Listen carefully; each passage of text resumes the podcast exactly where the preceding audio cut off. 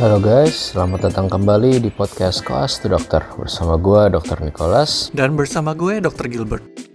Nah, Nick, kita kemarin terakhirnya ngomongin tentang kenapa kita ngilang gitu kan ya, terus kita balik lagi ya terus. Terus kita ngilang lagi dong minggu, konsisten ya kita ya at least ya. Konsisten ngilang gitu ya. Konsisten ngilang berarti nanti uh, kan biasanya seminggu seminggu, habis itu dua Ah. minggu dua minggu, nanti mulai satu bulan satu bulan, terus Suspense gitu ya Nick ya. terus enam bulan enam bulan. Ngulangin aja terus, ngulangin aja terus siklusnya kayak gitu. Ya nggak nggak kan enam bulan itu maksud gue soalnya siapa tahu lu tiba-tiba oh gila Gilbert keterima PPNS gitu Amin. kan terus Amin. kayak Amin, enam amin, bulan satu tahun gitu gitu. Amin, amin. Tapi worth it lah kali ini nih. Kali ini kita nggak tahu sih ini karena memang jadwal kita nggak ketemu, lu nya juga tiba-tiba pakai acara healing-healing gitu kan. Hari ini ketemu nih. Akhirnya kayak bulan tuh ketemu kita tek gitu kan. Akhirnya jadwal kita ketemu bisa gitu. Walaupun gua ntar kalau di belakang ngomongnya ngaco karena nggak jelas karena gue baru post jaga 24 jam, alah sok banget baru juga 24 jam juga. eh tapi akhirnya ketemu juga nih apa namanya se- seorang narasumber kita yang agak beda ya. Nih dokter sih cuma maksudnya kita nggak pernah ngebahas ini ya Nick ya. Karena kita juga apa namanya ambigu kali ya Nick ya. Bukan Hmm. ambigu sih kita eh, nggak familiar. Kita nggak familiar dengan ini. Kan kosakata gue udah mulai ngaco ini. Emang beda ya dokter emang beda Besok besok juga gue 24 jam kok Gil nggak apa-apa. ya itu dipanggil dokter juga apa dipanggil dokter juga cuma maksudnya beda itu aja nah daripada kita nunggu lama lagi langsung aja kali ya silakan eh, dok eh, perkenalkan diri dulu Iya. Halo, aku dokter Ivy. Aku dipanggilnya Ivy, nggak apa-apa. Eh, aku dari Universitas Trisakti angkatan 2014. Itu. oke Ah. halo Iya, halo semua. Eh ya lo santai aja. Niki nggak gigit kok. Walaupun emaknya dokter gigi dia nggak gigit kok. Tenang aja. Ah iya, aduh, gue udah lama nih soalnya nggak podcast, jadi kayak gimana? Nah, kita juga udah lama kok relatively speaking. lu jangan buka kartu kita dong Nick lu jangan buka kartu kita dong.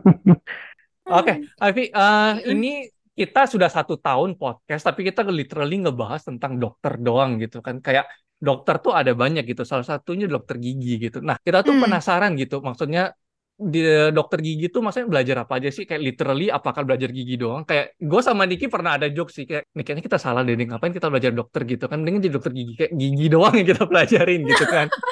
Kayak Itu fix, itu mitos banget sih. Dulu pas aku awal masuk, mau mau masuk, kan aku awalnya juga diminta keluarga aku ya, soalnya keluarga aku belum ada yang dokter. Terus diminta, ayo dong Vi jadi dokter gitu. Terus aku juga awalnya mikir, ah yaudahlah jadi dokter gigi aja. Soalnya dipikir belajarnya cangkupannya jauh lebih dikit. Ternyata enggak, Besti. Kita empat semester pertama itu hampir sama kayak dokter umum. Jadi aku belajar anatomi, fisiologi, eh, farmakologi, aduh pokoknya macam-macam deh. Empat. Ah, itu satu satu badan, semua badan gitu. Semua badan kita pelajarin, cuman bedanya kalau dokter gigi itu fokusnya ke leher ke atas, jadi dari tulang klavikula ke atas. Gitu. Oh, iya iya Tapi iya. yang Make dipelajarin, heeh, Hmm. kalau kan kalau kuliah tuh kan dibagi-bagi tuh penilaiannya ada yang namanya, misalnya ada yang ujian tengah semester, ujian akhir semester, atau apa sih kayak kuis ya. Kalau kuisnya sih waktu itu seluruh badan ditanya, tapi begitu ujian besar-besarnya ujian tengah semester, uasnya itu ditanyanya cenderung yang leher ke atas gitu. Dan Hmm. waktu belajar anatominya pun kan juga masuk ke kamar mayat ya disuruh bedah juga. Waktu itu bedahnya ya daerah daerah-daerah kepala sama leher aja udah gitu. Hmm. Kalau fisiologinya gitu kayak fisiologinya gimana? Maksudnya kan kalau kita ngomongin organs tuh most of organ tuh ada di bawah leher gitu kan. Kalau Mm-mm. ka- kalau yang di atas leher kita ngomongin organnya tuh organ apa? Kalau fisiologi kan pertama kita ngomongin organ-organ gitu kan soalnya kan. Mm-mm. Kalau fisiologi semuanya sih jadi eh, dari dari yang dasar-dasar gimana proses rasa sakit gimana, penyembuhan luka gimana, terus apa sih siklus-siklus Krebs cycle or whatsoever itu. Heh? Apa? Nah, Krebs cycle kita biokimia itu sama biologi fisiologi udah kayak terlalu dalam untuk fisiologi itu. Enggak, enggak. Bahkan pas Ivy ngomong Krebs cycle gitu, otak gue kayak mikir gitu, Krebs cycle itu apa ya? Itu gue pelajarin nih. Pelajarin.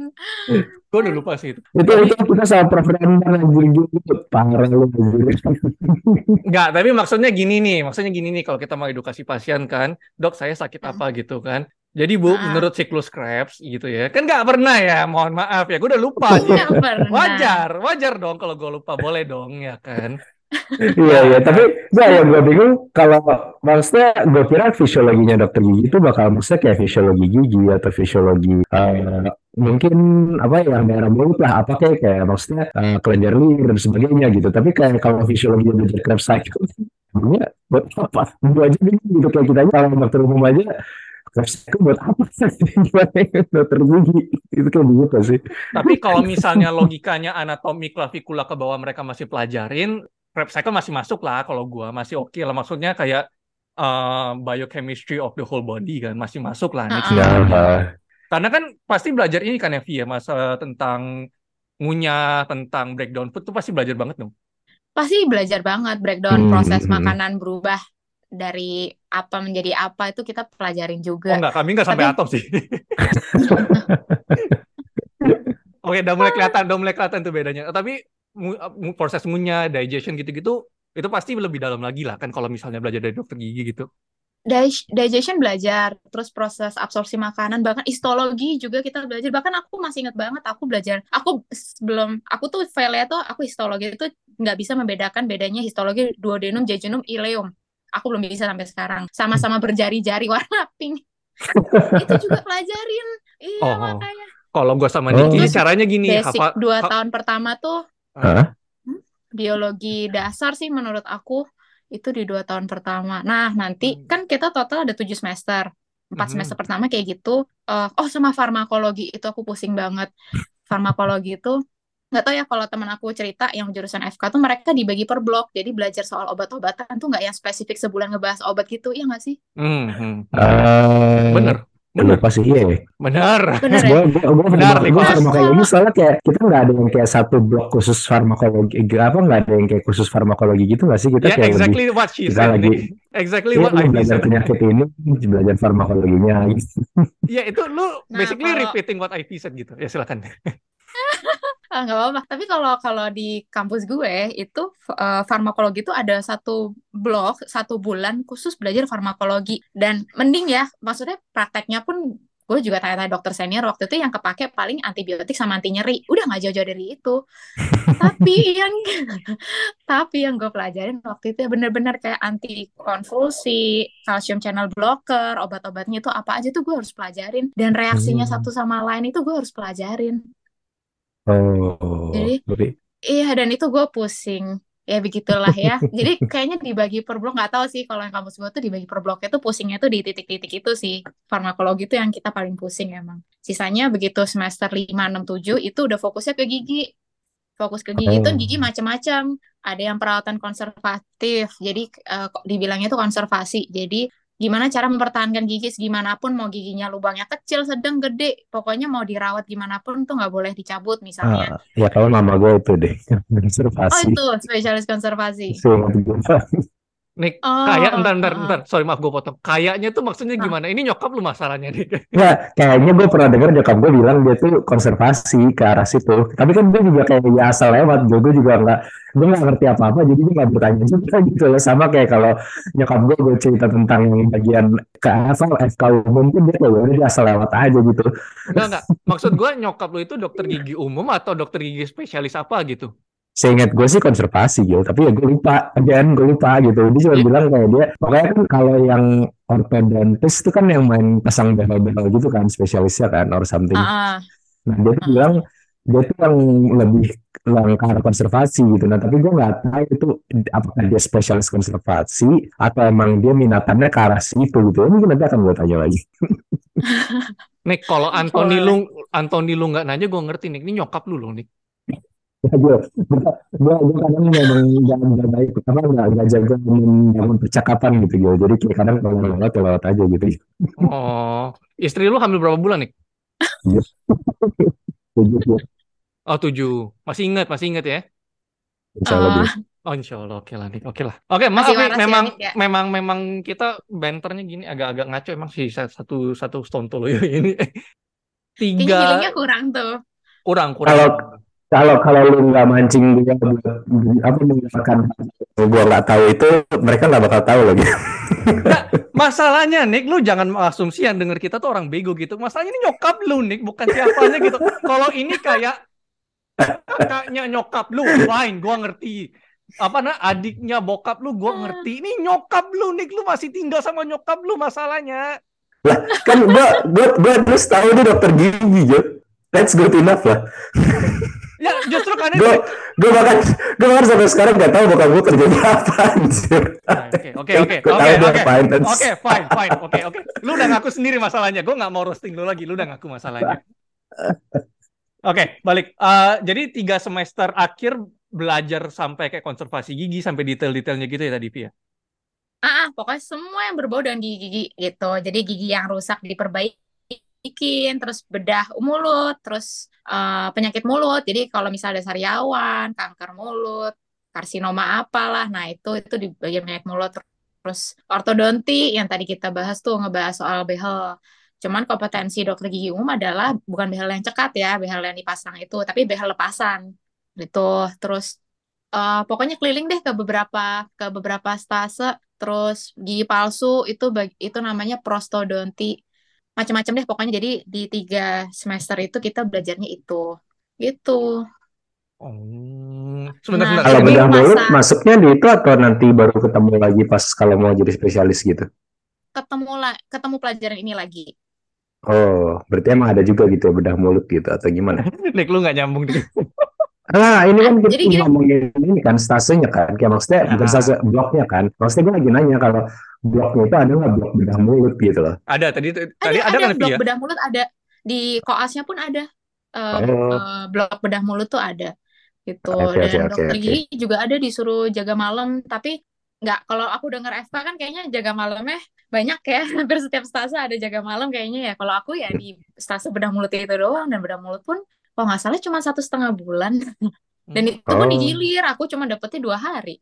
Udah. Wah, sejahtera hidup kita Terus itu maksudnya digilir itu gimana kok satu stase digilir? Jadi sisanya libur gitu atau gimana?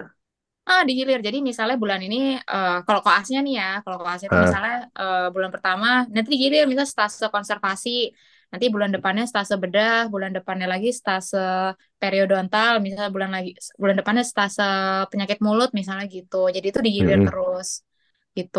Nah, biasa sesama perpindahan stase kan bisa tektokan tuh. Nanti kita nanya-nanya juga, eh pelajarannya gimana, kasusnya apa, dosennya gimana gitu-gitu. Gitu. Oh, tapi kalau kayak bedah mulut tadi kan lu bilang cuma dua hari gitu. Sisanya tuh ke mana jadi?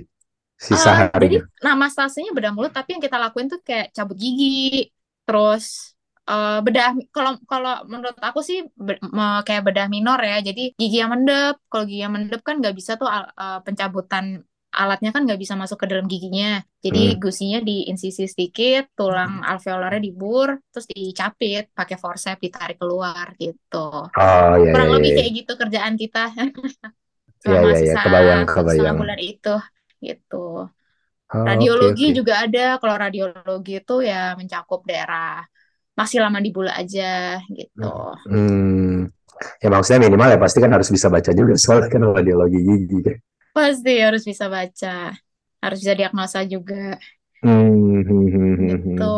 Kalau koas gigi tuh, hmm, menurut aku ya enak. Ada plus minusnya sih dibandingin koas eh, FK ya. Kalau koas FK gitu dia bekerja berdasarkan target atau requirement. Jadi contoh nih misalnya kalau aku wajib cabut gigi 30, wajib bedah 3 gigi misalnya, terus wajib eh, tam tambal gigi 50 misalnya. Misalnya 10-nya kasusnya tuh giginya di eh, lubangnya di daerah mesial, gigi insisif, terus satu lagi lubang di daerah distal, gigi kaninus atau apa. Eh, nah, si apa kalau misalnya kamu bisa bekerja dengan cepat, kamu bisa dapat pasiennya terus, enak lulusnya bisa cepat.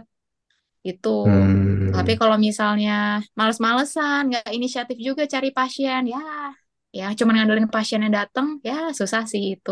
Hmm, Nah, tapi gini. kalau kalau kayak kelas gigi itu eh lihat dulu dulu gitu. Enggak, enggak. Kayaknya pertanyaan kita sama. Nah, ini maksud gua tadi. eh Nah, koasnya gigi dulu. Maksudnya rentangnya berapa lama sih normalnya gitu? Secara secara legalnya, secara legal lagi. Secara normalnya koasnya berapa lama sih? Cara legal normalnya sih dua tahun. Dua Tapi gini tahun. lagi, kita kan based on requirements kerjanya. Ada kakak kelas aku yang lulus satu setengah tahun ada, tapi jarang banget. Lulus dua tahun aja itu udah bagus banget rata-rata ya dua setengah, tiga tahun, tiga setengah tahun koasnya gitu. Karena mentoknya tuh di pasien. Oh, berarti definisi gunnernya koas gigi itu adalah lulus satu setengah tahun gitu ya. Kalau lu bisa kuat tiap hari kerjain dapat terus ya kasusnya ya bisa Oke. Nah, gitu. ini Oh, agak lari dikit tapi sekarang ini yang menjadi pertanyaan gue. Gue suka denger katanya, nggak suka denger sih kadang temen gue juga ada yang dokter gigi pas koas gitu dia kayak apa namanya menginvite gitu kayak lu ada masalah gigi gitu silahkan datang sini gratis atau apa gitu. Itu berarti lagi nyari pasien untuk tindakan atau gimana tuh? Iya, itu akhirnya nyari pasien buat tindakan. Jadi eh Oh. Heeh, karena kalau di kampusku ya itu ada namanya calo. Jadi kalau misalnya lumayan kalau per visit tuh pas zaman aku tuh minimal ya itu 100 ribu. Kamu bayangin satu kasus tambelan gigi itu harus sekali sekali visit tuh tindakan, sekali visitnya lagi tuh untuk kontrol. Jadi satu gigi tuh 200 ribu. Kamu bayangin misalnya nambel harus 50 gigi itu berapa juta kalau ngandelin calo gitu kan. Jadi mendingan cari pasiennya sendiri. Dan biasanya ya pasien yang datang sendiri atau pasien yang kita ajak-ajakin tuh jauh lebih ngehargain anak koasnya. Karena mereka datang tuh tujuannya bukan buat cari uang, tapi tujuannya emang buat nyari kesembuhan, biar giginya sembuh, gitu. Tapi maksudnya kalau misalnya kayak gitu ya, eh, kalau kita kan kalau kelas apa, kalau kelas dokter umum itu kan kasarannya kita megang pasien benar-benar ini pasien gua gitu tuh cuman pas lagi stase kesehatan masyarakat gitu kan ya. Sisanya itu kan Hmm. kita megang pasien tuh pasien dokter spesialisnya gitu. Nah kalau ini eh, maksudnya kalian cari pasien tuh jadi apakah kalian emang ada waktu di sehari itu kalian boleh buka poli kasarannya gitu poli gigi atau kayak emang gimana gitu maksudnya kalau mau nyari pasien biar datang kasarnya biar datang ke lu gitu bukan pakai calo itu kayak buka poli lalu kalian Oh, nunggu nggak atau boleh dong, cari ilegal lalu dong. gimana nah itu gimana jadinya maksudnya ilegal dong kalau kita masih koas, stase masih koas dan kita udah minta pasien datang ke ke apa ke klinik gigi sendiri tuh nggak boleh. Pasti Heeh. minta. Jadi kalau Trisakti itu ada namanya RSGM Trisakti, minta pasien Heeh. tetap daftar ke RSGM Trisakti sebagai pasien, terus eh ya udah nanti langsung tuh anak koasnya nemenin gitu. Oh Bu, nanti Ibu dihandle sama saya. Udah oke. Udah jadi kalau gue sebelum kerjain pasien tuh gue sama pasiennya pergi bareng, daftar pasiennya bareng, nanti menghadap ke eh, kakak ini dulu, kakak asdosnya dulu. Tuh lapor, "Eh, dok saya mau kerjain pasiennya namanya ini gitu, kira-kira kasusnya ini gitu. Terus ya udah deh baru tuh berlanjut lapor ke dokter spesialisnya, foto-foto giginya, terus tindakannya gitu. Eh, nah kalau gue sih cari pasien, cari Hmm? pasien tuh aktif. Jadi kalau bener-bener sekitar kampus itu udah rata-rata udah udah teracuni oleh calo gitu. Dan yang datang ke RSGM tuh udah bukan karena mau perawatan gigi, tapi karena cari duit. Gue sebel banget tuh. Bahkan bisa aja loh pa- pasien tuh ngancam dokternya loh. Jadi misalnya ini udah tin- misalnya kasus yang susah nih ya guys. Misalnya Heeh. mau nyari kasus tuh yang eh, laporan kasus penyakit mulut tuh kan harus yang sulit. Heeh. Misalnya ulkus decubitus, ulkus terus eh, karsinoma. Misalnya itu kan kasusnya susah banget. Pasiennya bisa ngeluncur kalau dia tahu loh kalau dia tuh berharga gitu ya dalam tanda kutip gitu. Kita butuh dia buat laporan kasus. Dia bisa ngancem dokternya kayak dok saya nggak mau datang ya kalau eh, uang ko- eh, kalau uang kontrakan saya belum dibayar. Oh, saya nggak mau datang ya kalau saya nggak dibayar sekian. Oh serius? Oh, iya wow. makanya gue gue Oh. nggak mau. Gue waktu itu jarang sih. Gue ada pakai calo tapi jarang banget. Gue akhirnya cari sendiri ke daerah agak jauh tuh. Trisakti kan Grogol. Gue cari ke daerah Tomang misalnya Oh, berarti emang cari-cari. Jadi kalian kayak eh, datang ke lapangan datang iya datang ke ininya gitu gitu. ya. Nah, cuman bahasanya gue ganti. Selamat siang Bu, Pak. Saya dokter gigi muda gitu. Gue nggak bilang Heeh, koas. heeh, Saya dokter gigi muda Ivy Vania eh, dari Trisakti gitu. Kalau Ibu atau Bapak sekiranya mau dilakukan pemeriksaan atau pengobatan gigi gratis bisa datang melalui saya gitu. Oh, tapi sebetulnya berarti jadi kecuali kalian tuh nyari emang ke masyarakatnya nggak akan dapet pasien dong kasarannya gitu ya. Susah, susah. Karena kalau Jarang yang di datang ke rumah sakit itu emang antara calo atau yang bukan nyari kelas gitu kan. Iya, jadi memang pasien datang ke RSGM tuh jarang banget karena memang dia kepingin perawatan gigi gitu. Nggak tahu kenapa kayak aku lihat emang kesadaran masyarakat Indonesia soal kesehatan gigi tuh masih kurang banget. Oh, jangan kesehatan gigi, kesehatan in general sih, ya nggak nih? In general ya. Jadi In kalau general. gimana kalau kalian di RSUD pasien banyak ya? Kita kan bukan di RSUD, kita Siloam, tapi still sama aja. Gua nggak tahu sih kalau setelah gua di Jambi, it's kind of better, tapi kalau di Siloam sih kita nggak kaget gitu. Ada pasien kanker udah ketahuan lima tahun lalu, tiba-tiba udah gede banget, terus diancam di puskesmas. Bukannya kita ini harus saling tolong menolong ya dok puskesmas gini gini gini. Kok begini sih ditelantarin gitu-gitu? Biasa nggak sih Nick? Diancam gimana? Diancam lah kayak kok puskesmas nggak mau ditolong kenapa harus dirujuk ke rumah sakit padahal dia tuh apa namanya kanker leher segede-gede gaban terus kita mau ngapain gitu? Kita Oh mau ya, kita mau ngangkat tumornya gitu di lehernya gitu di puskesmas gitu gue tanya lu sekarang. mungkin mungkin kalau gue di Flores dengan inform consent kayak, bu, kalau saya coba. Ibu punya dua pilihan antara ibu saya bisa saya operasi dengan segala konsekuensinya atau dengan kita dengan kita kita naik pesawat bu berapa berapa jam gitu kan. Tapi kalau di Jakarta ya mendingan dirujuk lah banyak kok eh, apa RSUD RSUD beda on kok banyak gitu kan ya. Iya iya iya. Tapi ya kurang lebih sama lah kalau that part ya that part yang di bagian yang di mana kesehatan in general itu memang sulit sih. Cuma gue masih agak bingung nih definisi mencari pasien secara aktif tuh gimana? Kan maksudnya gini nih, pasien datang nih ke RSMG nih. Nah, Mm-mm. maksudnya bagian mencari aktifnya tuh gimana gitu? Jadi gini, pasien tuh kalau istilah kita-kita ya, itu dibagi jadi dua. Itu pasien pasien datang sendiri, eh, PDS singkatannya, atau pasien yang kita cari sendiri gitu.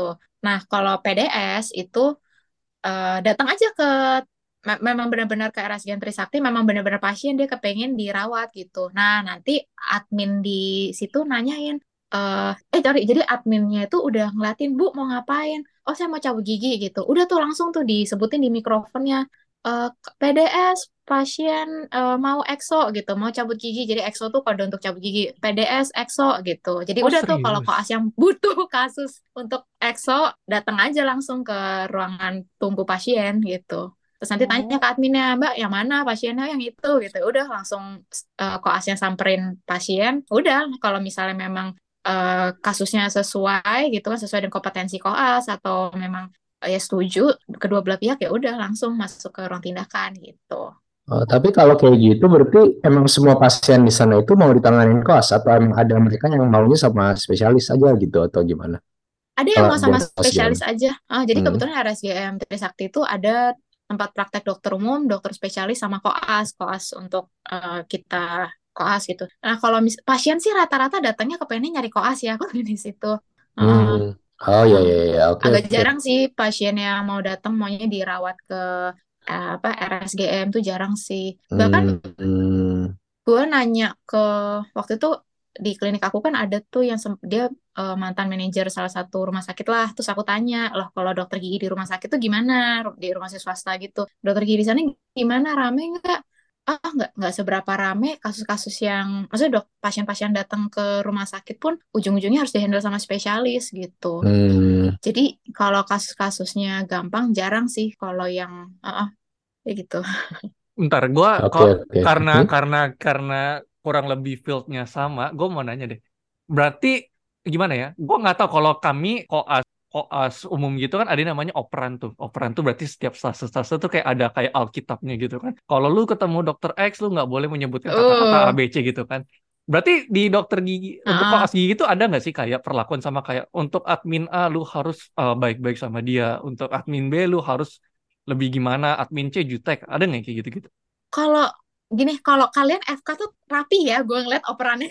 Jadi kayak Tergantung, udah dibentuk tergantung. dalam satu PDF dan dijelaskan secara rinci gitu. Ah. Kalau di FKG enggak. Jadi kalau FKG itu dijelaskan dari mulut ke mulut aja. Dan rata-rata sih kalau kalau kayak gitu-gitu tuh nyebarnya cepat. Jadi kadang nggak perlu operan pun udah saling tahu gitu loh. Oh dokter ini tuh kelakuannya gini, dia bisanya diperlakukan kayak gini, nggak bisa diperlakukan begini gitu. Oh asus yang ini sifatnya kayak gini, dia bisanya begini nggak bisa begini gitu. Jadi Hmm. eh, kalau FKG sih nggak serapi itu ya. Eh, tapi dari omongan ke omongan tuh ada. Operan-operan tuh Oke. pasti ada. Heeh. Ya ya ya ya ya. Iya. Tapi totalnya kalau FKG stase total koas berapa tuh tadi? Itu udah semua Tas disebutin atau masih ada lagi? masih ada beberapa lagi. Kalau nggak salah tujuh. Kok gue lupa ya jurusan gue. ada tujuh. Gak apa-apa, Bentar. Nicholas kok juga di- kalau disuruh sebutin semesternya dia juga lupa taruhan sama gue. Normal Mungkin gitu. ya kan kita sebutin dulu satu-satu, habis itu kita hitung kan yang kita sebutin ada berapa Gil itu kan caranya. Permasalahannya ada lu lupa Iya. nih ada berapa nih. Gue at the end lu sebutin berapa, lu pasti akan nanya gue bener gak nih? Bener, bener gak gila segini gitu. Ya kan gue. gua, gua mengharapkan lu ngitung, gua sebutin lu ngitung pembagian tugas gitu loh. Oh gitu ya Nick ya. Oke, sip. Benar. Oke, jadi kalau di FKG itu dibagi beberapa stase. Jadi pertama itu stase konservasi kan. Terus Mm-mm. kedua eh, stase periodontal. Kalau konservasi kan tadi kita udah bahas ya, itu membahas soal cara memelihara gigi sebagaimanapun supaya dia nggak dicabut gitu. Kedua adalah stase periodontal. Jadi menjaga jaringan periumnya, menjaga eh, jaringan di sekitar giginya tuh gimana. Jadi kalau giginya goyang, nggak selalu perawatannya dicabut. Bisa Hmm, jadi mungkin otot eh, jaringan periodontal di sekitar giginya tuh memang dalam tanda kutip lagi loose lah, lagi lagi kemasukan bakteri or whatsoever. Jadi bisa aja tuh dikuret, dibersihin, kasih antibiotik, diamatin. Bisa tuh giginya awalnya goyang, jadinya kegoyangannya berkurang bahkan bisa nggak goyang sama sekali gitu. Atau kalau Hmm, misalnya gusinya udah turun atau gusinya udah resorpsi, bisa tuh kita tambahin tulang tambahan atau bone graft itu itu di stase periodontal. Yang oke. ketiga tuh stase ortodonti. Tadi itu yang ngebahas soal behel-behel. Jadi gigi tuh kalau gigi tuh berantakan gimana? Dijelasin detail tuh di situ gigi berantakan tuh gimana? Gigi yang jeber maju ke depan gimana? Gigi yang mendep ke belakang gimana? Gigi yang miring inklinasi gimana? Eh, perawatannya beda-beda gitu. Terus eh, stase penyakit mulut ngebahas macam-macam dari sekedar serostomia, air urea berkurang, sariawan, sampai ya kanker-kanker, karsinoma, terus eh, bedah mulut, udah tahu ya, jadi ngebahas soal bedah-bedah, pencabutan gigi, terus radiologi, itu ngebahas eh ronsen semua yang ada di dalam gigi, terus apa lagi ya? Oh, apa ya? Gue kayaknya, gue kayaknya ada yang kurang satu, apa ya? Gigi anak ada nggak? Ya kurang lebih begitulah ya. Eh, anak kayaknya ada deh temen gue kayaknya ada yang siapanya gitu gigi anak atau itu beneran spesialis atau emang dia cuma Nggak, itu spesialis. Oh iya, yang pertanyaan gue adalah Spesialis stasenya ada. kedokteran gigi anak. Benar, ada. SPKGA. Ada kedokteran gigi anak, Oh, oke. betul. Tapi kalau untuk Jadi stase kalau koasi, perawatan gigi anak tuh holistik. Hah? Kenapa? kalau untuk stasenya ada itu. Stasenya ada juga. Oh, Stase, oke. iya. Oh, sama IKGM, Ilmu Kesehatan Gigi Masyarakat. Kayaknya itu Oh. bakal yang paling kita benci aja Oh, kalau dari kalau banget itu. kalau dari ini pengalaman kita dengan yang MM jelek Pengalaman gue yang Ada berhubungan saatnya dengan kayak gue, per- apa, ada saatnya gue bosen sama perawatan gigi, ya gue datang aja gue kalau misalnya IKGM tuh senengnya itu penyuluhan ke masyarakat, terus edukasi. Jadi kayak nggak ngurusin gigi doang gitu loh. Hmm. Hmm. Kita literally homes ini kan. Kita kita kita udah nggak bisa sering-sering podcast sama-sama nih. Kota kita udah basically one gitu loh. Nih kayak, kayak lu tau gak sih yang yang meme monkey itu kayak tang tang. Nah itu otak kita sekarang ini. Kacau, kacau, kacau. Aduh. Tapi ini yang gue masih bingung. Jadi basically dua tahun itu selama ngelewatin stase koas itu itu sambil nyambi nyari tindakan gitu. Iya, sambil nyambi nyari tindakan. Jadi kalau jam kerjanya itu kayak jam kerja kantor. Jadi dari kalau Trisakti ya itu dari jam 8 pagi sampai jam 5 sore. Dibagi dua shift. Jadi jam 8 sampai jam 12 terus jam 1 sampai jam 5. Misalnya nih gue dapet hari ini shift pagi jam 8 sampai jam 12. Nah, jam 1 sampai jam 5 itu sebenarnya bebas dalam tanda kutip gitu. Bebasnya tuh lu bisa bisa eh, boleh lu lu cari pasien boleh atau lu eh, apa dengerin kan kita juga ada tuh namanya buat laporan kasus sama journal reading. Jadi setiap stase itu ada wajib misalnya baca 10 jurnal gitu dan harus dipresentasikan juga gitu. Lo boleh kerjain itu. Hmm. Jadi gue Hmm. misalnya, ah, jadi misalnya gue paginya atau eh, kadang gue bantuin temen gue juga. Jadi kalau misal di koas gigi itu ada satu sebutannya operator, satunya tuh asisten. Jadi kalau misalnya hari ini tem- eh, gue jadi operator, temen gue jadi asisten. Nah tugasnya apa? Operator tuh yang tindakan ke mulut pasien yang udah jadi dokternya. Jadi kalau misalnya stase konservasi gigi, stase bagian nambel-nambel ya, berarti gue yang ngebor giginya, gue yang bersihin giginya. Nah temen gue yang sebagai asisten itu yang nge-suction Oke. gitu, Iya, yang iya, nyiap iya. nyiapin bahan, yang bantu nulis-nulis Yang eh, dihitung tindakan tuh tapi si operatornya berarti. Yang ngambil tindakan tuh si operatornya itu Oh. gitu. Jadi kalau heeh, jadi bagi dibagi dua shift itu kadang misalnya gue pagi operator sorenya gue asisten gitu atau paginya gue bisa aja gue nggak kerja sama sekali jadi ibaratnya paginya gue nggak asistenin teman gue sorenya gue cari pasien gue sorenya eh, jadi eh, penonton jurnal eh, presentasinya dokter siapa gitu bisa Eh, penonton. Jadi penonton tuh opsional juga gitu, nggak wajib semua orang harus nonton gitu. nggak wajib jadi makanya itu kalau FKG itu berdasarkan requirement jadi kayak kita tuh nggak bener-bener kayak kalau gue ngerasa tuh kayak dibebasin gitu loh Gil. Jadi lu dikasih waktu dari sekian sampai sekian. Lu bulan ini di stase eh, konservasi gitu ya. Terserah lu kalau misalnya bulan ini lu kuat nambel 10 gigi ya udah. Eh, kalau lu kuatnya nambel 30 gigi silahkan gitu. Tapi kalau lu kuatnya Hmm. cuma nambel 5 gigi oh ya udah nggak apa-apa gitu. Tapi ya itu konsekuensinya lagi di di mahasiswanya lagi. Berarti lo lulusnya makin lama gitu. Hmm, oke oke oke oke. Menarik. Ag- Beda, ah, beda, beda, beda jauh banget ini sama sama kita ini. Lu, lu mau, Iya, lu, lu mau sekarat mati jaga 36 jam, you better be there kalau misalnya orang lagi lagi journal reading anjir. Iya kan? Tapi kayak iya, tapi cuman kayak di satu sisi gue juga kalau ngebayangin gue di posisi kelas dokter gigi, gue bakal lebih malas lagi sih Gil. Karena lu tau kan gue paling malas yang namanya ngebujuk ke orang kan.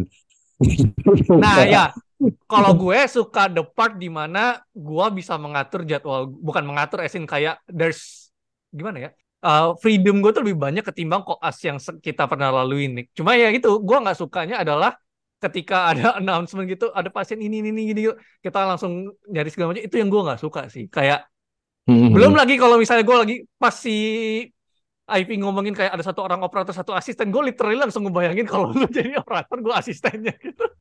gue gue nggak bisa bayangin tuh mulut pasien tuh bakal sejasa hancur apa itu.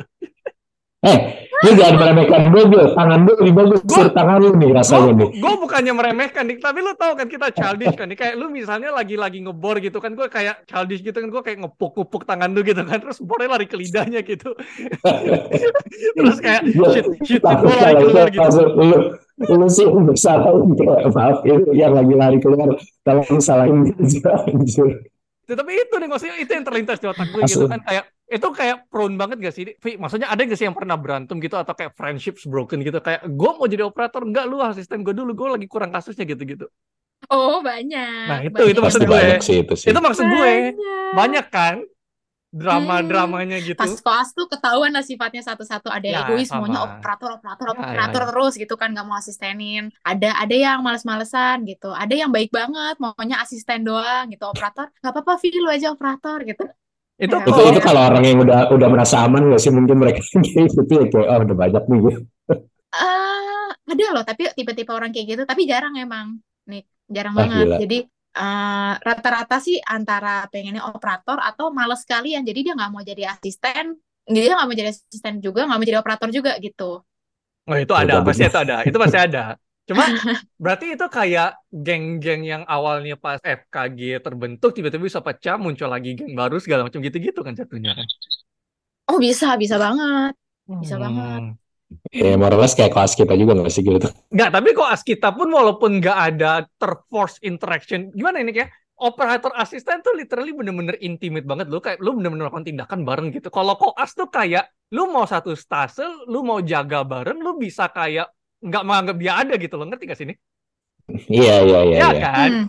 Iya kan? Kayak eh ada pasien datang tuh, kayak ya udah Oh. dipanggil kayak berdua, ya berdua walaupun nggak negur-negur tapi kayak ya sama-sama nulis sama-sama apa ya udah gitu kan. Kita nggak bertanggung jawab atas obat tersebut, kita nggak bertanggung gimana ya? Kita nggak esin kayak literally bertanggung jawab sama nyawa pasien tersebut gitu. Ini basically tindakan sih, Nick. Gua nggak tahu sih tapi ini tindakan gitu loh. Kayak lu bener-bener Iya, iya. make sure Nah, dia tapi sembuh kayak gitu. bener-bener kalau cuman kan berdua doang gitu kayak maksudnya eh, kalau misalnya berdua gitu kan kita bisa pilih nggak sih kayak at least di antara misalnya lu bener-bener dapet itu tuh bener-bener berempat dan teman-teman tuh dam dam dan gitu kayak Ya, maksud gue gini, pilih yang dam aja gitu yang dambernya Ya tapi maksud gue gini loh, kayak misalnya gue sama lu nih, kita teman deket nih di FKG gitu, kayak ya udah, ya udah kita berdua gitu-gitu kan. Terus pas pas kita ini, gue tahu gitu sifatnya lu, ya lu tahu sendiri nih kita kan polar opposite kan nih, kayak kita nggak nyambung gitu kan. Lu kayak cincai, gue kayak, Nik ayo nih harus ngejar tindakan nih. Lu kayak udah lagi santai lagi gitu gitu kan, lu ngerti kan nih kayak at the of the, in the heat of the moment gitu lu ngerti kan, Nik ngerti kan? Nik Nik itu nggak rapi. Iya, oh iya, iya iya. banyak It- banget tuh pertemanan hancur Ya itu, itu maksud gue pas lu itu kayak apa namanya pas lu cerita kayak gitu gue kayak wah gila ini dramanya kayaknya bisa kayak gue sambil nonton popcorn gitu kan kayak gue nggak usah jurnal reading gitu gue mendingan reading orang punya orang drama gitu kan kayak hmm ada apa ada tiap apa lagi gitu kan. Ya, tapi tapi menarik sih maksudnya kayak sistemnya beda. Ini sistemnya koas gitu universal kalau koas giginya gitu atau kayak ada ada perbedaan yang cukup besar gitu di koas eh, di univ lain gitu? Eh gua kalau gua sharing-sharing sama teman-teman gue sih yang kayak Musopo, Unbra, UI. Jadi gini, bedanya sih cuma di sistem calonnya doang ya, gue Ah, lihat. Tapi kalau budaya koasnya sih kurang lebih sama. Heeh. Bedanya tuh kalau kalau univ negeri itu bahkan kampusnya nggak boleh ada calo. Jadi kalau Oh, misalnya ketahuan nih pasien bahwa pasien yang datang adalah bawaan dari calo, itu bahkan aku dengar ada kampus yang nge-blacklist kayak koas ini nggak boleh kerja gitu. Jadi Oh. memang pasien tuh harusnya datang sendiri atau koas ini aktif cari pasien bukan dari calo gitu. Dan nama-nama calonnya tuh udah diinget tuh satu-satu nama-nama calonnya tuh. Jadi nggak bisa Hmm. nggak bisa punya uang. Oh yaudah suruh orang cariin pasien nggak bisa. Tapi gimana ya? Gue nggak tahu tapi itu lebih bagus nggak sih? Kayak ya udah fair and square nggak sih? Eh gimana ya? Plus minus ya? Ada plus minusnya sih. Kalau lu mau ngomongin cepet-cepetan lulus, iya ngandelin calo. Tapi gini, pasien nggak appreciate hasil kerja lu. Dan pasien takutnya bisa ngancem lu kayak yang tadi tuh. Karena dia ngerasa dia dibutuhin, dia dibayar, dia dibutuhin. eh, jadinya ya itu kalau misalnya dia nggak mau datang kalau kosannya nggak dibayar, kontrakannya nggak dibayar. Sekali bayar kontrakan berapa juta, bro? Hmm. iya gitu. iya iya iya Atau iya. sekali iya. datang, oh enggak saya maunya dicas 500 ribu gitu. Nggak mau rate standar 100 ribu. Bisa banget gitu. Jadi Hmm, kayak gue merasa harga diri gue. Kayak iya iya anjir gue iya. tuh ngobatin lo sesuai standar dokter lo. Gue tuh nggak coba-coba lo sama lo lo dan kerjaan kita tuh diawasin dokter spesialis. Oke gue operatornya. Oke gue yang tindakan di mulut lo tapi ini di bawah pengawasan dokter spesialis lo gitu. Kalau ada pasien lonjak itu kali sih ada pasien gue kayak gitu langsung gue oh yaudah bu silakan gak usah datang lagi. Cari dokter lain aja gue gituin. Karena iya gue gue nggak main-main lo Hmm, sama lo gitu. Dan hasil kerja gue gue yakinin bagus gitu. Heeh. Iya ada plus Benar benar. minusnya sih lagi ada itu. temen gue yang konsepnya kayak ngapain sih lu idealis kayak gitu? Mendingan lu buang uang di calo mendingan lu awal-awal lu keluar duit gede blek gitu. Tapi lu lulusnya lebih cepet. Bisa kayak gitu. Cuman cuman ya gue buktinya gue lulus tepat waktu. Buktinya gue lulus tepat waktu buktinya eh, bahkan pasien dan mulut word of mouth itu pengaruh banget word of mouth itu Hmm, pengaruh banget. Jadi kalau ada satu pasien nih yang gue cari sendiri gitu kan dia cocok sama gue dia suka sama hasil kerja gue dia akan ngomong tuh ke tetangga tetangganya terus nanti tetangga tetangganya kontak gue. Udah lama-lama gue nggak perlu nggak perlu cari pasien lagi gitu. Bahkan gue sering seleksi sering gue bagi-bagi pasien ke teman-teman gue. Oh, ini anak-anaknya ada yang mau pasang behel ini anak eh, ada ibunya yang mau cabut gigi atau apa gitu. Hmm. oh iya iya iya iya, I see I see. Bener sih kayak nyari kayak kalau yang pakai calo tuh apalagi calonnya bisa kampret gitu sih itu benar-benar gue juga kalau jadi lu kayak merasa harga diri itu rasanya kayak justru kita ngebayar dia tapi justru kayak ke sana kayak gue menjual diri gue gitu. bayar dia kayak harga dirinya itu sebesar yang mau lu bayar gitu kayak najis banget sih emang itu. Iya, mending mending rate-nya standar ya, rate-nya sesuai inilah, sesuai kesepakatan. Ya kalau dia ngelunjak-lunjak, ah lu mau ngomong apa? Lo butuh iya iya. kasusnya iya. dia, nah itu, Itu itu nyebelin sih. Itu nyebelin. Heeh. Hmm, oke oke. Ada plus minusnya lah lagi. Menarik sih kayak gua baru tahu ada dunia ini gitu sekarang. Oh iya iya. Kalau gitu Iya. nyambung nyambung tentang duit deh. Eh boleh kasih tahu nggak range kira-kira biaya kuliah, biaya koas standarnya gitu yang benar-benar tertera kayak biaya kuliahnya, biaya koas semesternya gitu. eh ini aku karena universitas swasta ya, Mhm, aku tuh masuknya tuh waktu itu 250 juta. mhm. Eh, per semesternya tuh sekitar 30-an juta, koasnya tuh 40-an juta. Hmm. itu uang semester aja. Kalau uang lagi ya, perawatan pasien kan koasnya yang bayar ya. Perawatan pasien tuh gue kurang lebih 2 sampai 3 juta lah Whole gitu. atau per pasien? Oh, whole, as a whole per month Hmm. gitu. Oh. Jadi lo harus per berarti 50 juta per semester Untuk biaya pasien. untuk biaya pasien dan kuliah lo gitu. Di luar kayak Hmm. misalnya lo ngekos, lo makan beda lagi Berarti gitu. jatuh-jatuhnya kurang lebih sama atau enggak ya lebih mahal daripada FK swasta enggak sih? Jatuhnya. Dihitung-hitung. Iya enggak, Vi? Atau gue yang Oh salah? iya, kalau kalau FK swasta berapa tuh? Kalau Eh, kalau UP, Trisakti sih 300 waktu itu zaman gue masuk sih 300 juta. Kalau UPH batch kita dari awal masuk sampai selesai koas itu setengah M ada habis. Oh, kalau yang waktu itu gue tanya mutasi rekening bokap, kan bokap yang transfer ya. ya bener bener bener bener. Bener bener bener bener. itu, oh itu di luar uang ujian lagi ya guys ya. Jadi gue Ah, ujian tuh per modul tuh berapa ya waktu itu ya? Kalau nggak salah 500 ribu deh per modul tuh ujiannya. Terus nah, kalau misalnya, ujiannya di luar duit semester gitu. ujiannya di luar duit semester lagi. Hmm. Tapi yang lima Kalau ratus ribu ya ya ya udah lah ya. gitu. eh tapi Iya, lumayan lah nih setengah juta untuk ujian per ini. I mean iya. nggak tahu Terus sih. kalau ujiannya kan ada teori sama OSCE. Kalau nggak lulus salah satu ya bayarnya tetap full juga 500 ribu gitu.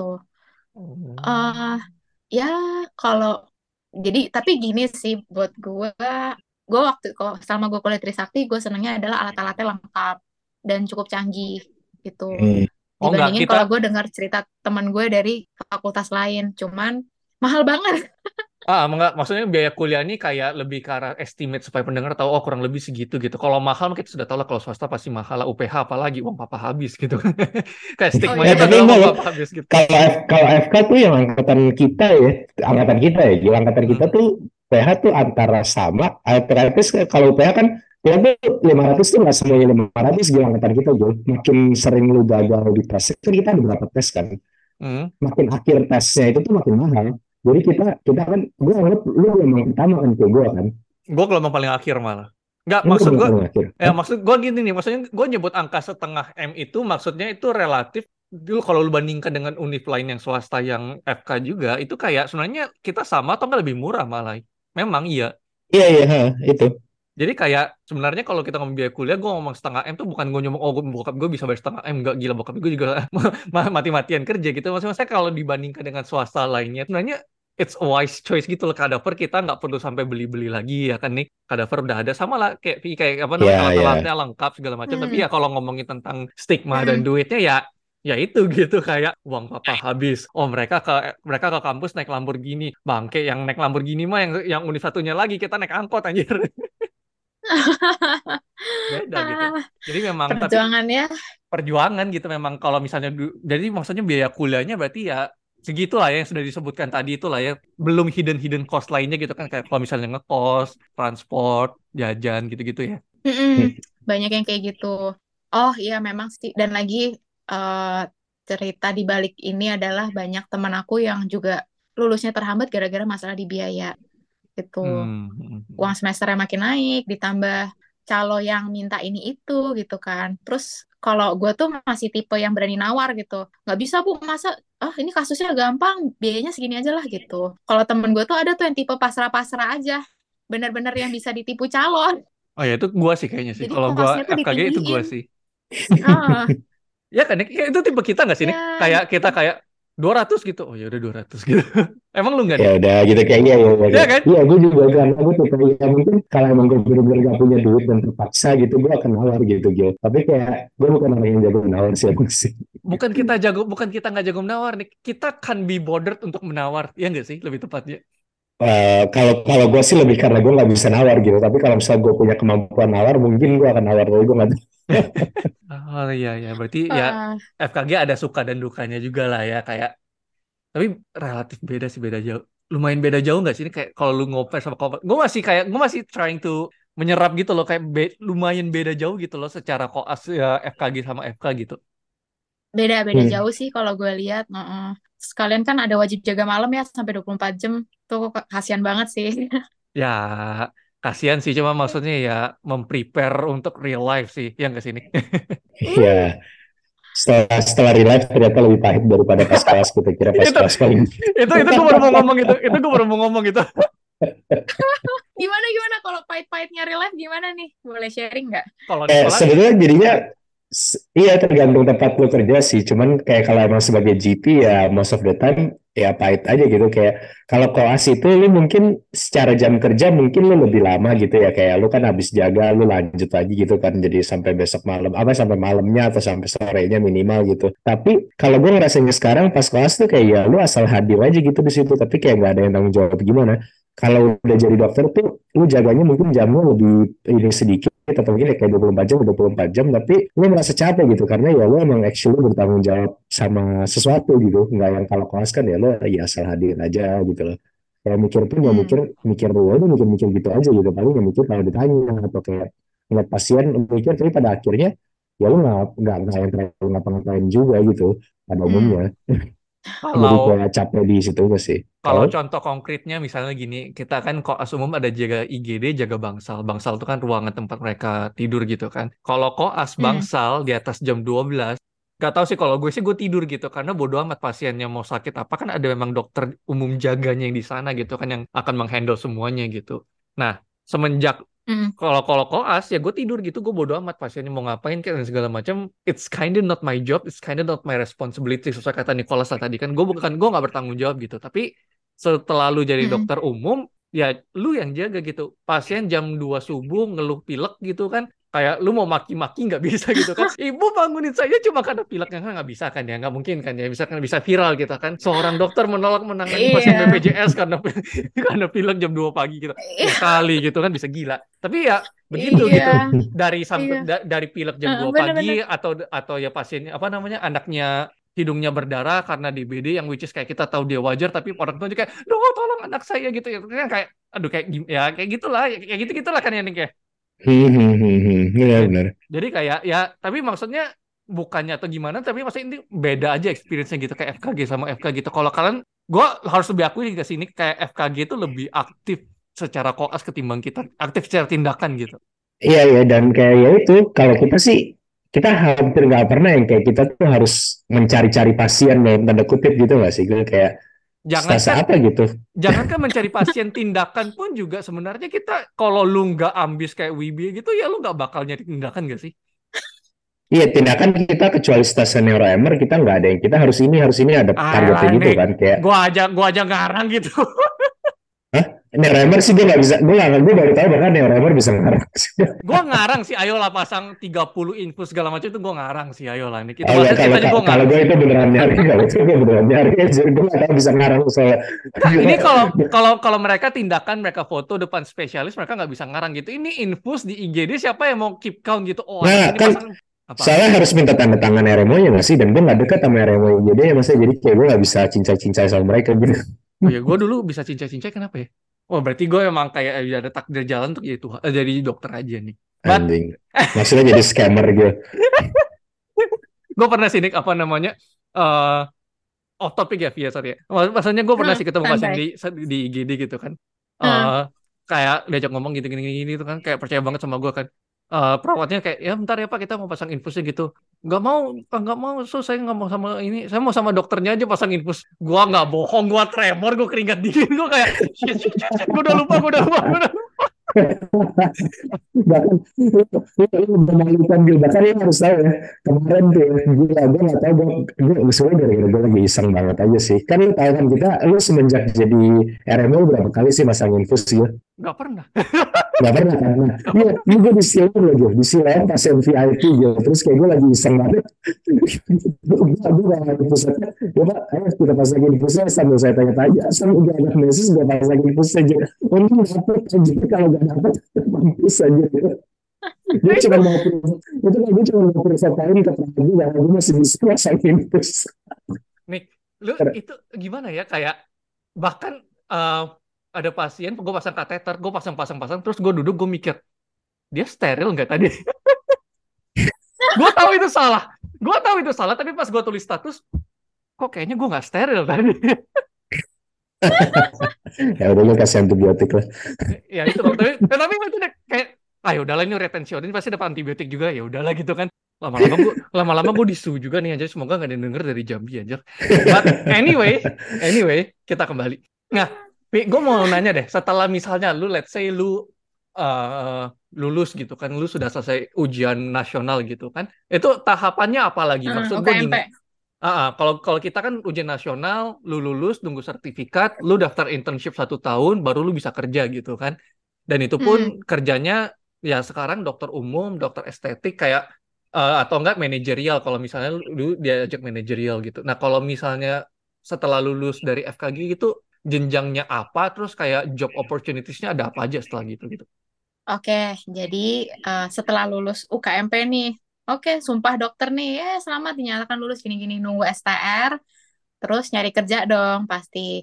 Nah, pas zaman gue itu, gue lulus tuh pas di zaman COVID. Jadi gue lulus itu di tahun 2020 Oktober, dan waktu itu klinik gigi banyak yang tutup.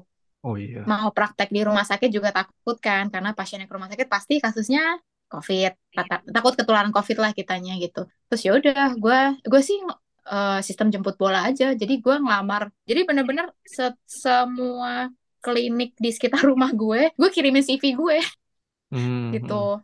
gitu. Jadi gini uh, ya lu bisa jenjang karirnya adalah lu bisa kerja di klinik, lu bisa kerja BP uh, eh, klinik klinik kan macam-macam klinik swasta, klinik BPJS atau lu uh, jadi dokter di puskes, dokter di rumah sakit atau lu mau kerja di manajerialnya gitu. Jadi dibagi lima itu.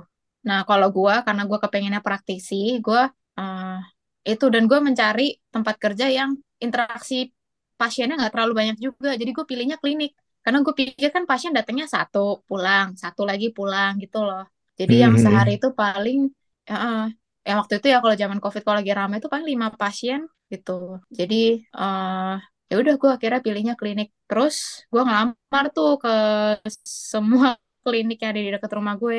Satu kecantol di daerah Gading Serpong. Terus lama-lama kecantol tuh ke beberapa tempat lainnya. Ya udah gue kerja uh, eh, gue coba kerja terus lihat-lihat sikonnya lagi nih di tempat kerja itu. Kayak misalnya ada kan tipe owner yang eh, nggak uh, nggak suka kalau karyawannya tuh datangnya telat gitu. Ya lu harus ngikutin lah uh, irama kerja di bud atau budaya perusahaan di situ. Atau ada ada juga tipe owner yang pelit banget. Jadi gue pernah nemu klinik yang bahan tambelnya bahan-bahannya tuh kadaluarsa.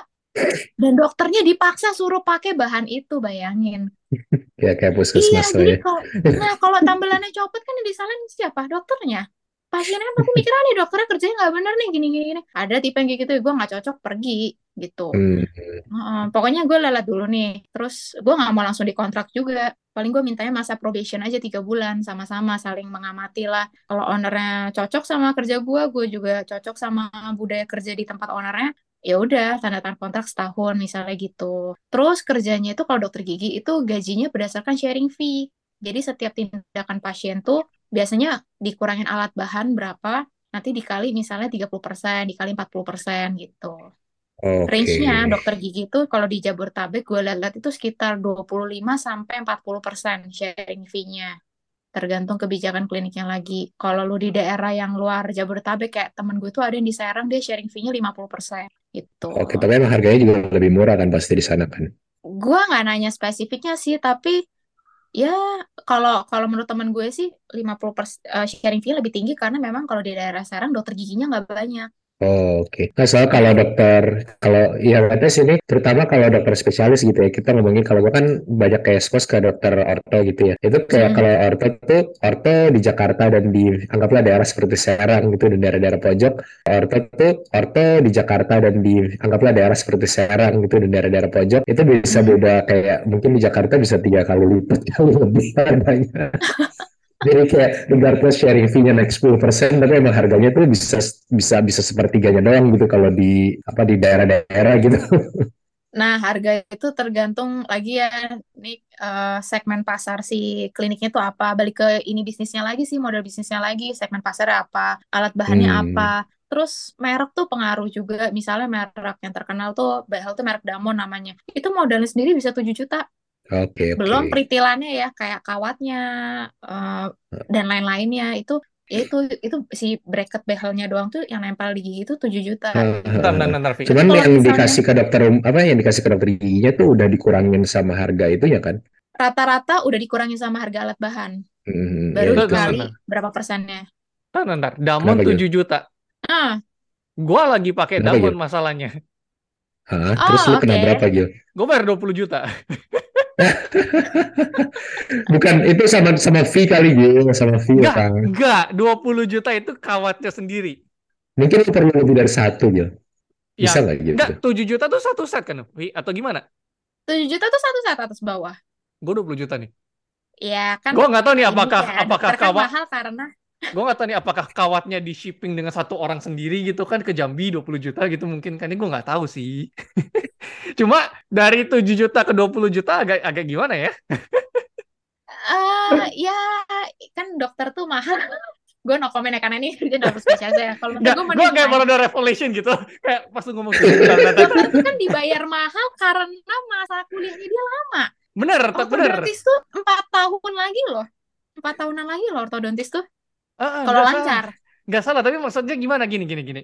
Kan kalau konsep jualan nih kan lu kan beli barang nih dapat modal nih. Modal lu segini, uh modal lu segini ditambah profit lu berapa persen adalah harga jual gitu kan. Matematika SD dong ya kan. Harga jual yeah, adalah uh harga beli tambah profitnya berapa nih. Sekarang harga beli 7 uh. juta. dia ngambil 20 juta nih bro Nggak, gua Ya berarti dia cuannya 13 juta Gil. Udah.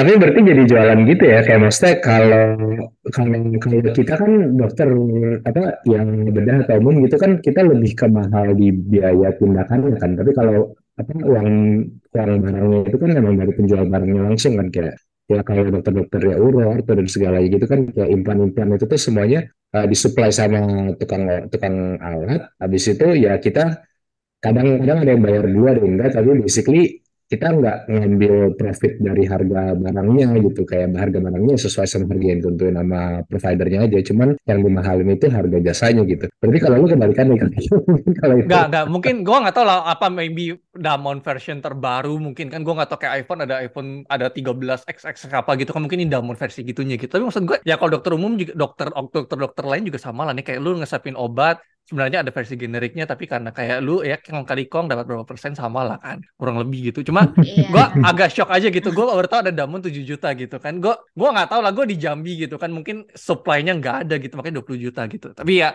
sorry Fir lanjut. Gue shock aja gitu kan. Damon ada 7 juta gitu. Kayak dompet gue bisa kalau bisa balik gitu kan lumayan gitu kan. Tapi ya udahlah udah kayak I don't regret it juga sih Oh, coba nanya dokternya aja dok. Nggak bisa turun tuh harganya gitu. Nggak, gue lagi mikir juga. Mungkin mungkin ja- jangan-jangan selama ini per bulannya dia ngasih gue diskon 10% bukan karena dia tuh gue dokter tapi karena itu. Gue sampai menitikkan air mata nih tapi buat ya anyway kayak ya udahlah. Tapi eh gimana ya? Gue nggak ngomongin lu specifically ya iya maksudnya kayak whole dokter gigi in general gitu. Kayak ada rentang rentang income yang ini gak sih yang kayak memang harga pasar sebulan tuh segitu gitu Eh, income dokter gigi nih per bulan berapa gitu. Iya. Nggak tentu, gue nggak bisa jawab itu karena macam-macam nih. Kayak contohnya, jadi gini, eh dokter gigi itu kalau ngecas pasien tuh harganya, jadi gini banyak klinik gigi itu yang ngecas pasien tuh harganya tuh ngasihnya range. Kenapa? Karena subjektivitas lagi. Kalau misalnya menurut dokter gigi nih, misalnya nih tambal satu gigi range-nya 400 sampai 500 gitu. Kenapa dok range? Karena misalnya eh, oh tambelannya besar atau oh kompleksitasnya besar gitu. Jadi bisa aja sih dokter tuh ngecasnya harga tertinggi 500. Kalau misalnya oh lubangnya kecil, definisi kecil, definisi besar tiap orang kan beda-beda. Gil. Jadi eh, dan itu lagi ada dokter yang tipenya yang kayak ah ini kasihan nih, udahlah casnya kecil-kecil aja gitu, bisa banget. Satu gitu sifat dokternya sendiri. Kedua eh, lokasi kerjanya juga kayak gue pernah kerja di klinik BPJS per pasien mau tindakan apa pun itu gue cuma dibayar sepuluh ribu. Dan eh, satu hari itu maksimal gue terima tuh 10 pasien. Dan itu capek banget Oke. sih untuk dokter gigi tindakan 10 orang tuh. Dan satu pasien kan kalau di klinik BPJS tuh maksimal satu sa- satu orang kan satu tindakan. Banyak pasien yang gue juga nggak tega minta tolong dok sekalian dok gigi yang ini ditambal juga dok sekalian dok gigi yang ini dikerjain juga. Jadi gue satu pasien tuh bisa dua tindakan tiga tindakan gitu. Dan gue cuma dibayar sepuluh ribu itu bisa banget. Jadi balik lagi nih ke dokternya dia tipe yang kerjanya di eh, klinik swasta atau klinik swasta juga di mana nih daerahnya? Terus apakah dia klinik apa dokter puskes? Temen gue tuh di puskes dia kan tahun kedua berapa belas juta gitu dia juga pernah cerita itu udah fix Hmm. income-nya dia Ha-ha. plus dia sorenya jadi gini kalau dokter puskes kan pagi sampai siang di puskes sorenya dia kerja di klinik swasta gitu Hmm. Hmm. Heeh. gitu jadi nggak tentu sih kalau gue pribadi waktu itu gue pertama kali kerja karena zaman covid klinik banyak yang tutup gue sebulan dua bulan pertama deh gue cuman kerja di satu klinik doang dan itu pun kliniknya juga baru buka gitu jadi kayak sama-sama ngerintis dari nol gaji pertama gue 2 juta sekarangnya dua digit adalah Amin. Lebih. Ya, ya, naik ya, lagi ya, nanti. ya, naik amin. lagi. Nanti naik lagi, naik, naik lagi. lagi naik Naik terus kok tenang aja Naik terus. dan eh, mulut ke mulut tuh pengaruh banget kalau misal pasien udah suka sama kamu pasti dia nawa dia bakal kasih tahu ke teman-teman yang lain gitu kayak aku di Gading Serpong kan teman eh, pasien aku dan bilang dok saya tahu dokter tuh dari tetangga aku loh di klaster ini gitu terus begitu gue cek tempat tinggal si pasien yang ngajak gue ngomong nih misalnya dia di klaster A temannya tuh di klaster B padahal kan beda klaster dan dia ngomongnya tetangga jadi kayak wow power Hmm. Hmm. beda klaster aja orang bisa tahu loh dokter ini praktek di sini gitu Oke, Hmm. ya, ya, ya, ya, ya, ya. Tuh Nick dengerin Nick Pa- pa- apa namanya power dari mulut ke mulut. Jadi kalau ada pasien VIP nyebelin lo harus baik-baik nih. Lo tuh nggak boleh nih. Gue baik biasa aja. Oh gitu Gue ya. baik most of the time gitu. Tapi Ya, kalau terus ya. tapi kalau dari Tapi sayangnya, Hah? Dari chat Apa? line lu kok kayak meng- mengatakan ke- kebalikannya gitu ini? Lah, di apa yang di belakang dan di depan itu selalu berbeda. Oh gitu, benar benar benar benar benar benar. Gue kira gue berani cari masalah sama pasien VIP di depan mulut mulut mereka yang bisa tiba-tiba gue dituntut anjir. Aduh. Oke lah, tapi eh iya iya gua nggak bisa sih, gua nggak bisa ngomong. Ah, soalnya Macam-macam gini, pernah gua gua ngomong, gua nanya gaji soalnya gini. Kan gua kebetulan sambil nyambi hospitalis juga kan. Gua ngomong-ngomong lah sama dokter-dokter dokter-dokter kan, termasuk dokter gigi umumnya juga kan. Jadi Mm-mm. kalau dia kerja di rumah sakit swasta, nah kebetulan rumah sakit gue ini baru nge-hire beberapa dokter gigi lainnya yang spesialis prosto, spesialis oh, yang kalau gigi orto ya tadi ortodontis ya. Mhm. ortodontis. Ortodontis, spesialis eh, KGA, sama konservasi gigi, sama bedah mulut. Jadi lengkap tuh kan spesialis. Lengkap kan itu kan lima-limanya itu sudah kayak maksimal spesialis gigi di sana semua kan. Ah, oke oke.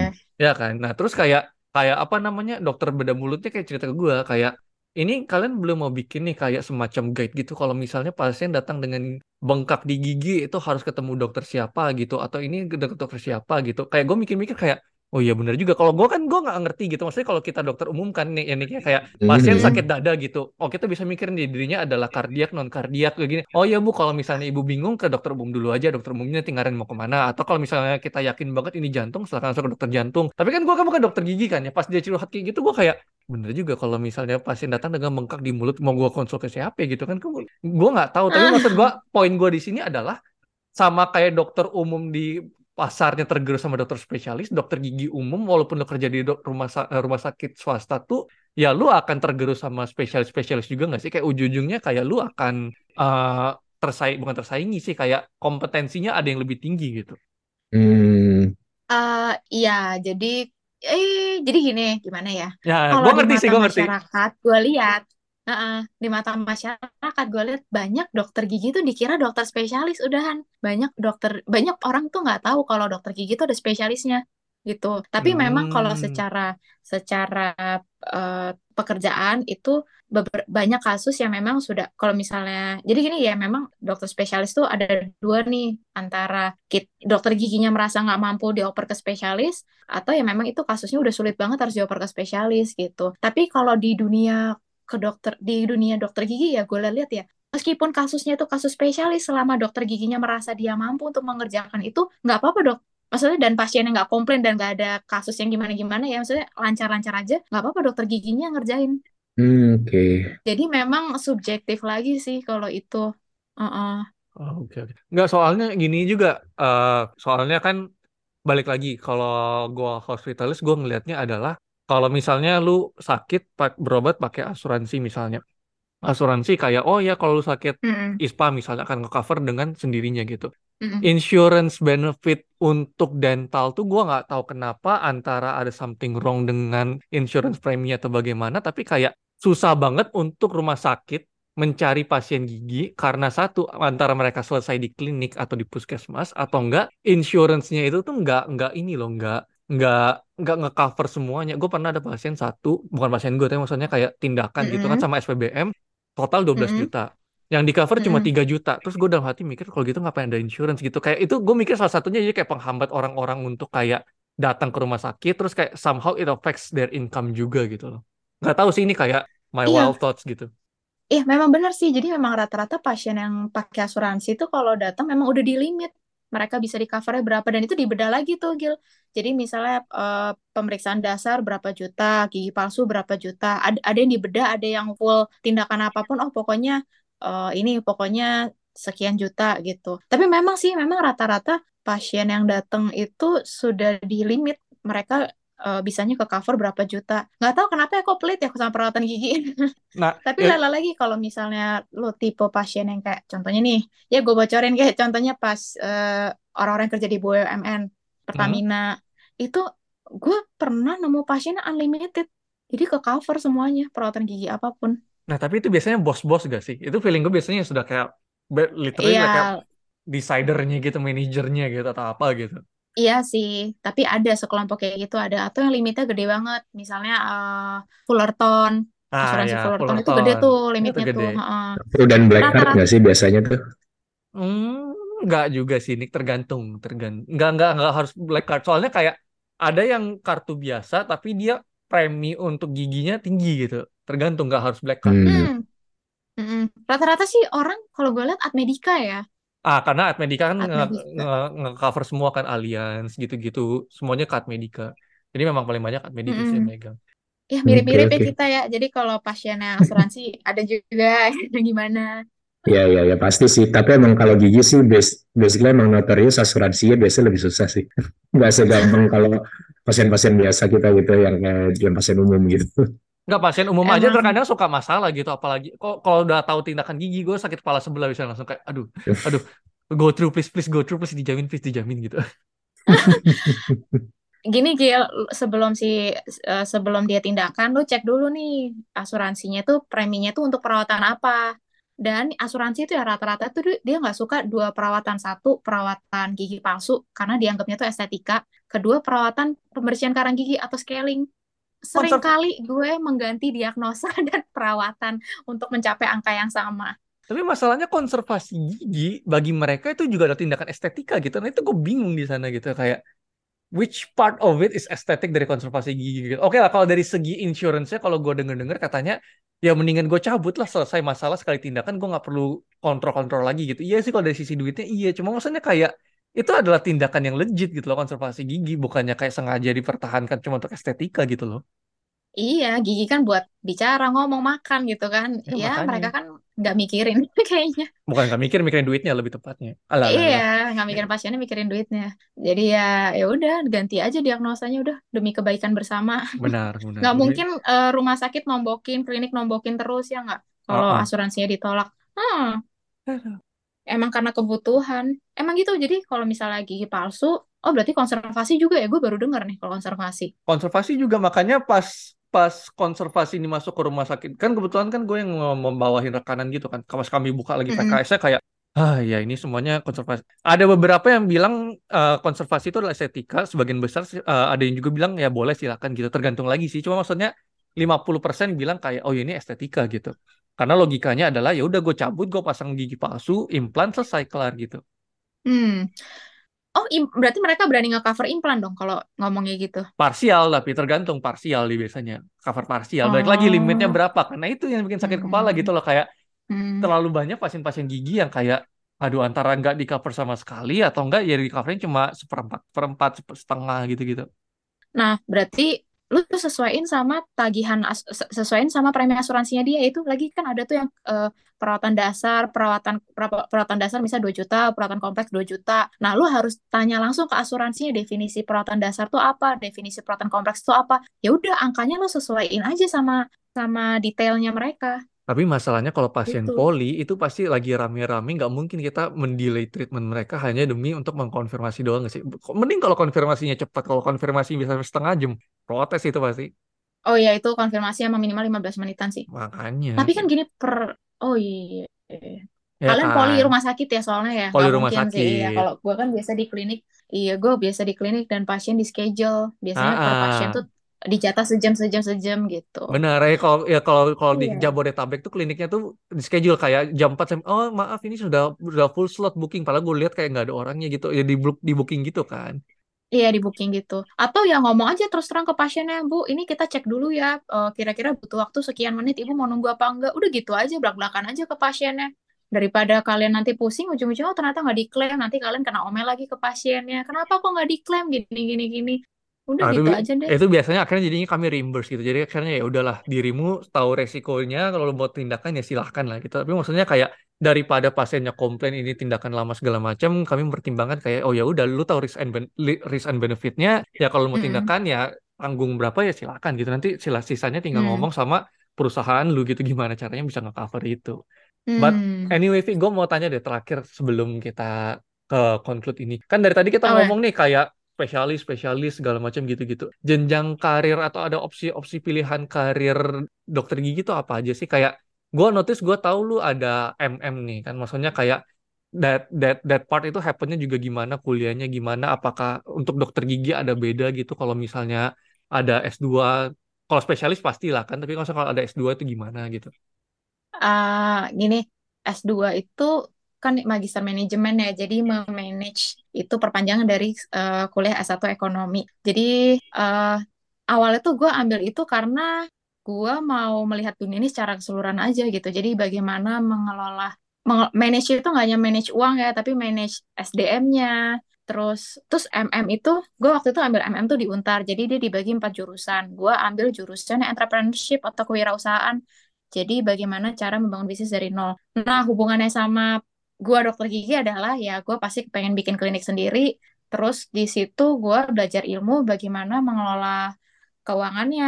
Jadi lu harus tahu nih oh uh, ternyata harus didetail. Oh setiap perawatan tuh modalnya sekian. Ya simple math juga sih. Perawatannya modalnya sekian. Terus gue juga tanya-tanya kan ke dokter-dokter tuh sharing fee-nya berapa. Ya udah dari situ gue bisa hitung modalnya berapa. Terus uh, ngitung terus belajar legalitas hukumnya gimana belajar cara ngelola SDM-nya gimana gitu. Kalau ngelola SDM tuh contohnya oh misalnya gue uh, ngerekrut gue butuh jabat um, orang yang mengelola klinik gue dengan jabatan seperti ini gue ambilnya orangnya seperti apa nih? Oh misalnya dia usianya sekian tahun kelahirannya sekian. Oh dia generasi X misalnya.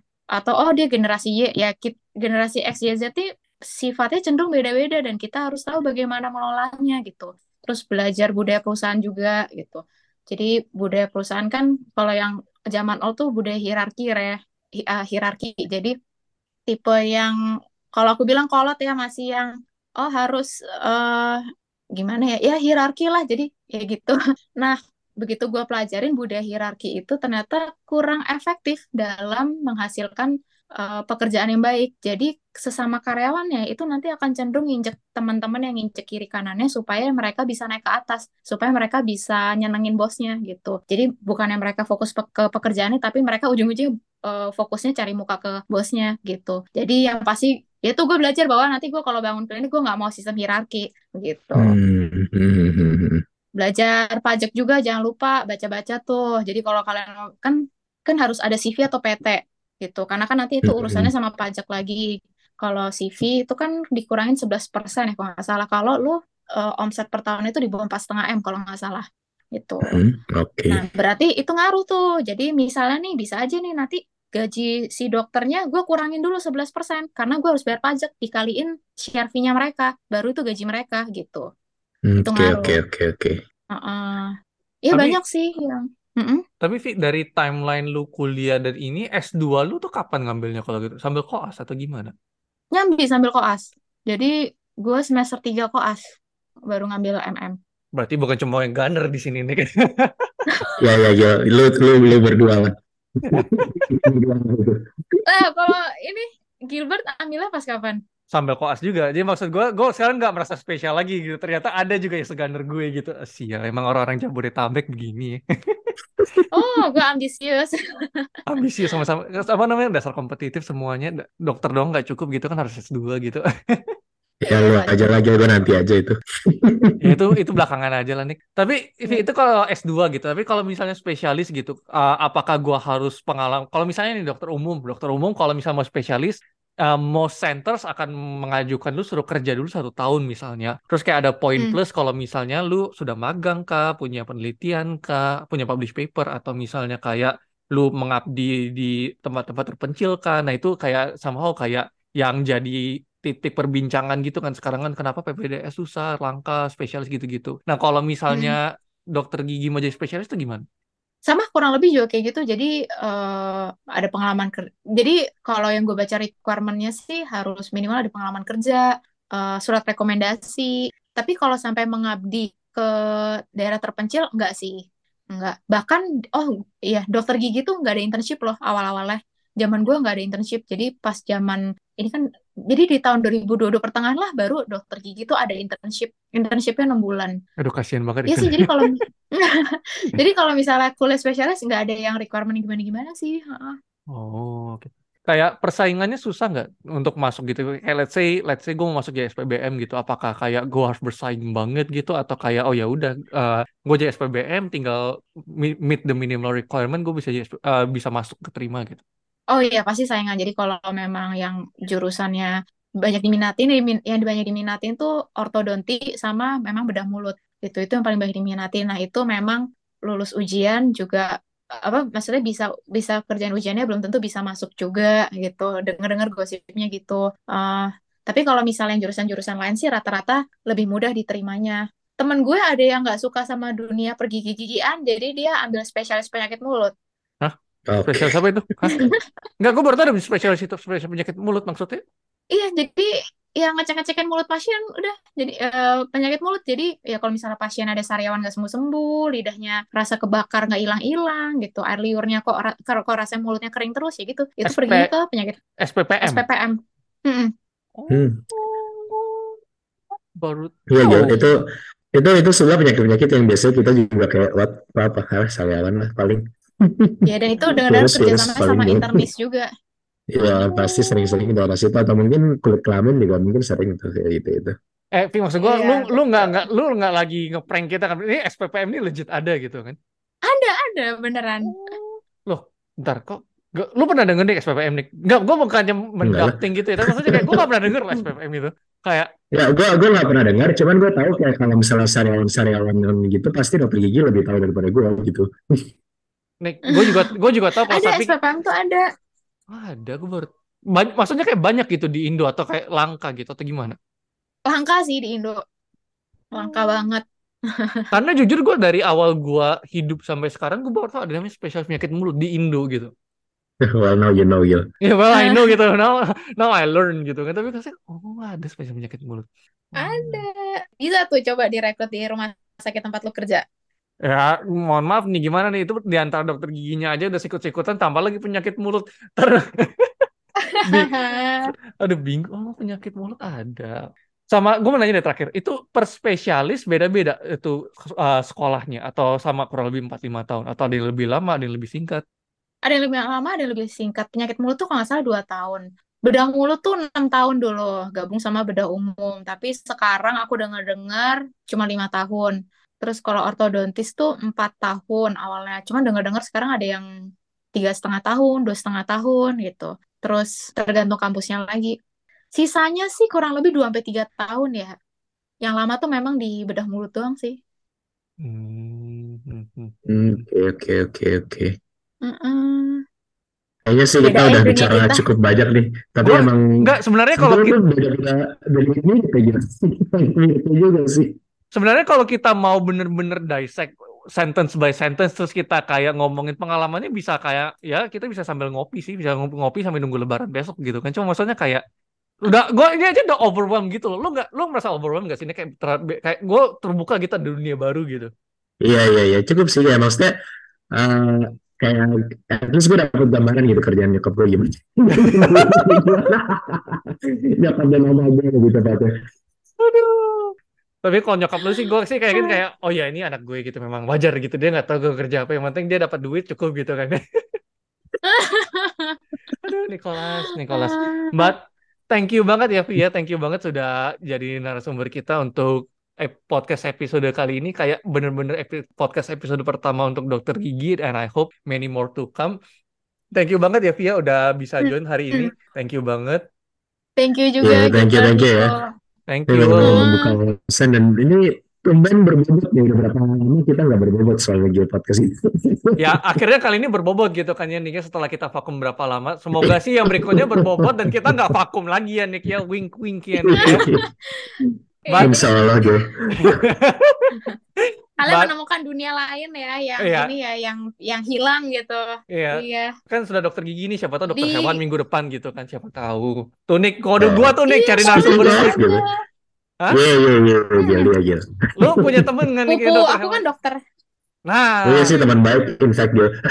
tuh tuh si Ivy udah ngasih kode tuh dia punya kenalan tuh Iya, sepupu But itu nanti- dokter hewan. Maksudnya pas gue tanya tuh dia pusing juga loh. Kan hewan tuh dari yang terbang sampai yang berenang ada semua Nah, anatominya itu, gimana iya, itu, tuh? itu itu beda lagi tuh Iya, itu itu. gua- itu gue Iya, penasaran sih lagi. kayak anjing dan kucing sama-sama kaki empat tapi itu beda banget gitu kan tapi eh udahlah itu tuh naruh Iya iya iya iya. itu tuh naruh naruh tapi itu ya Nick ya wink wink ya Nick ya Iya iya iya iya. Oke Gil oke Gil. Tenang tenang. I got this I got this.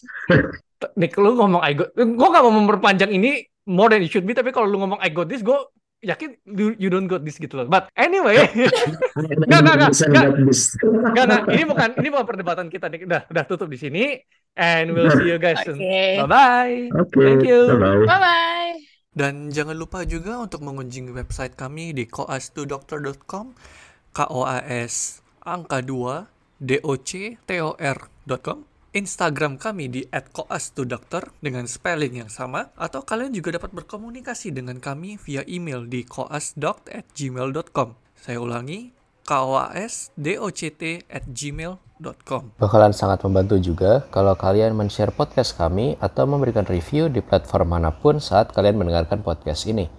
Dan juga kalau mau bisa di follow account Instagram kami semua. Seperti kalau Gilbert ada di @gilbertsterling, @nicholasgabriel dan juga akun kedua saya terutama yang membahas mengenai kesehatan dan fitness di @sehatisasi. But otherwise, we'll see you guys soon. Bye.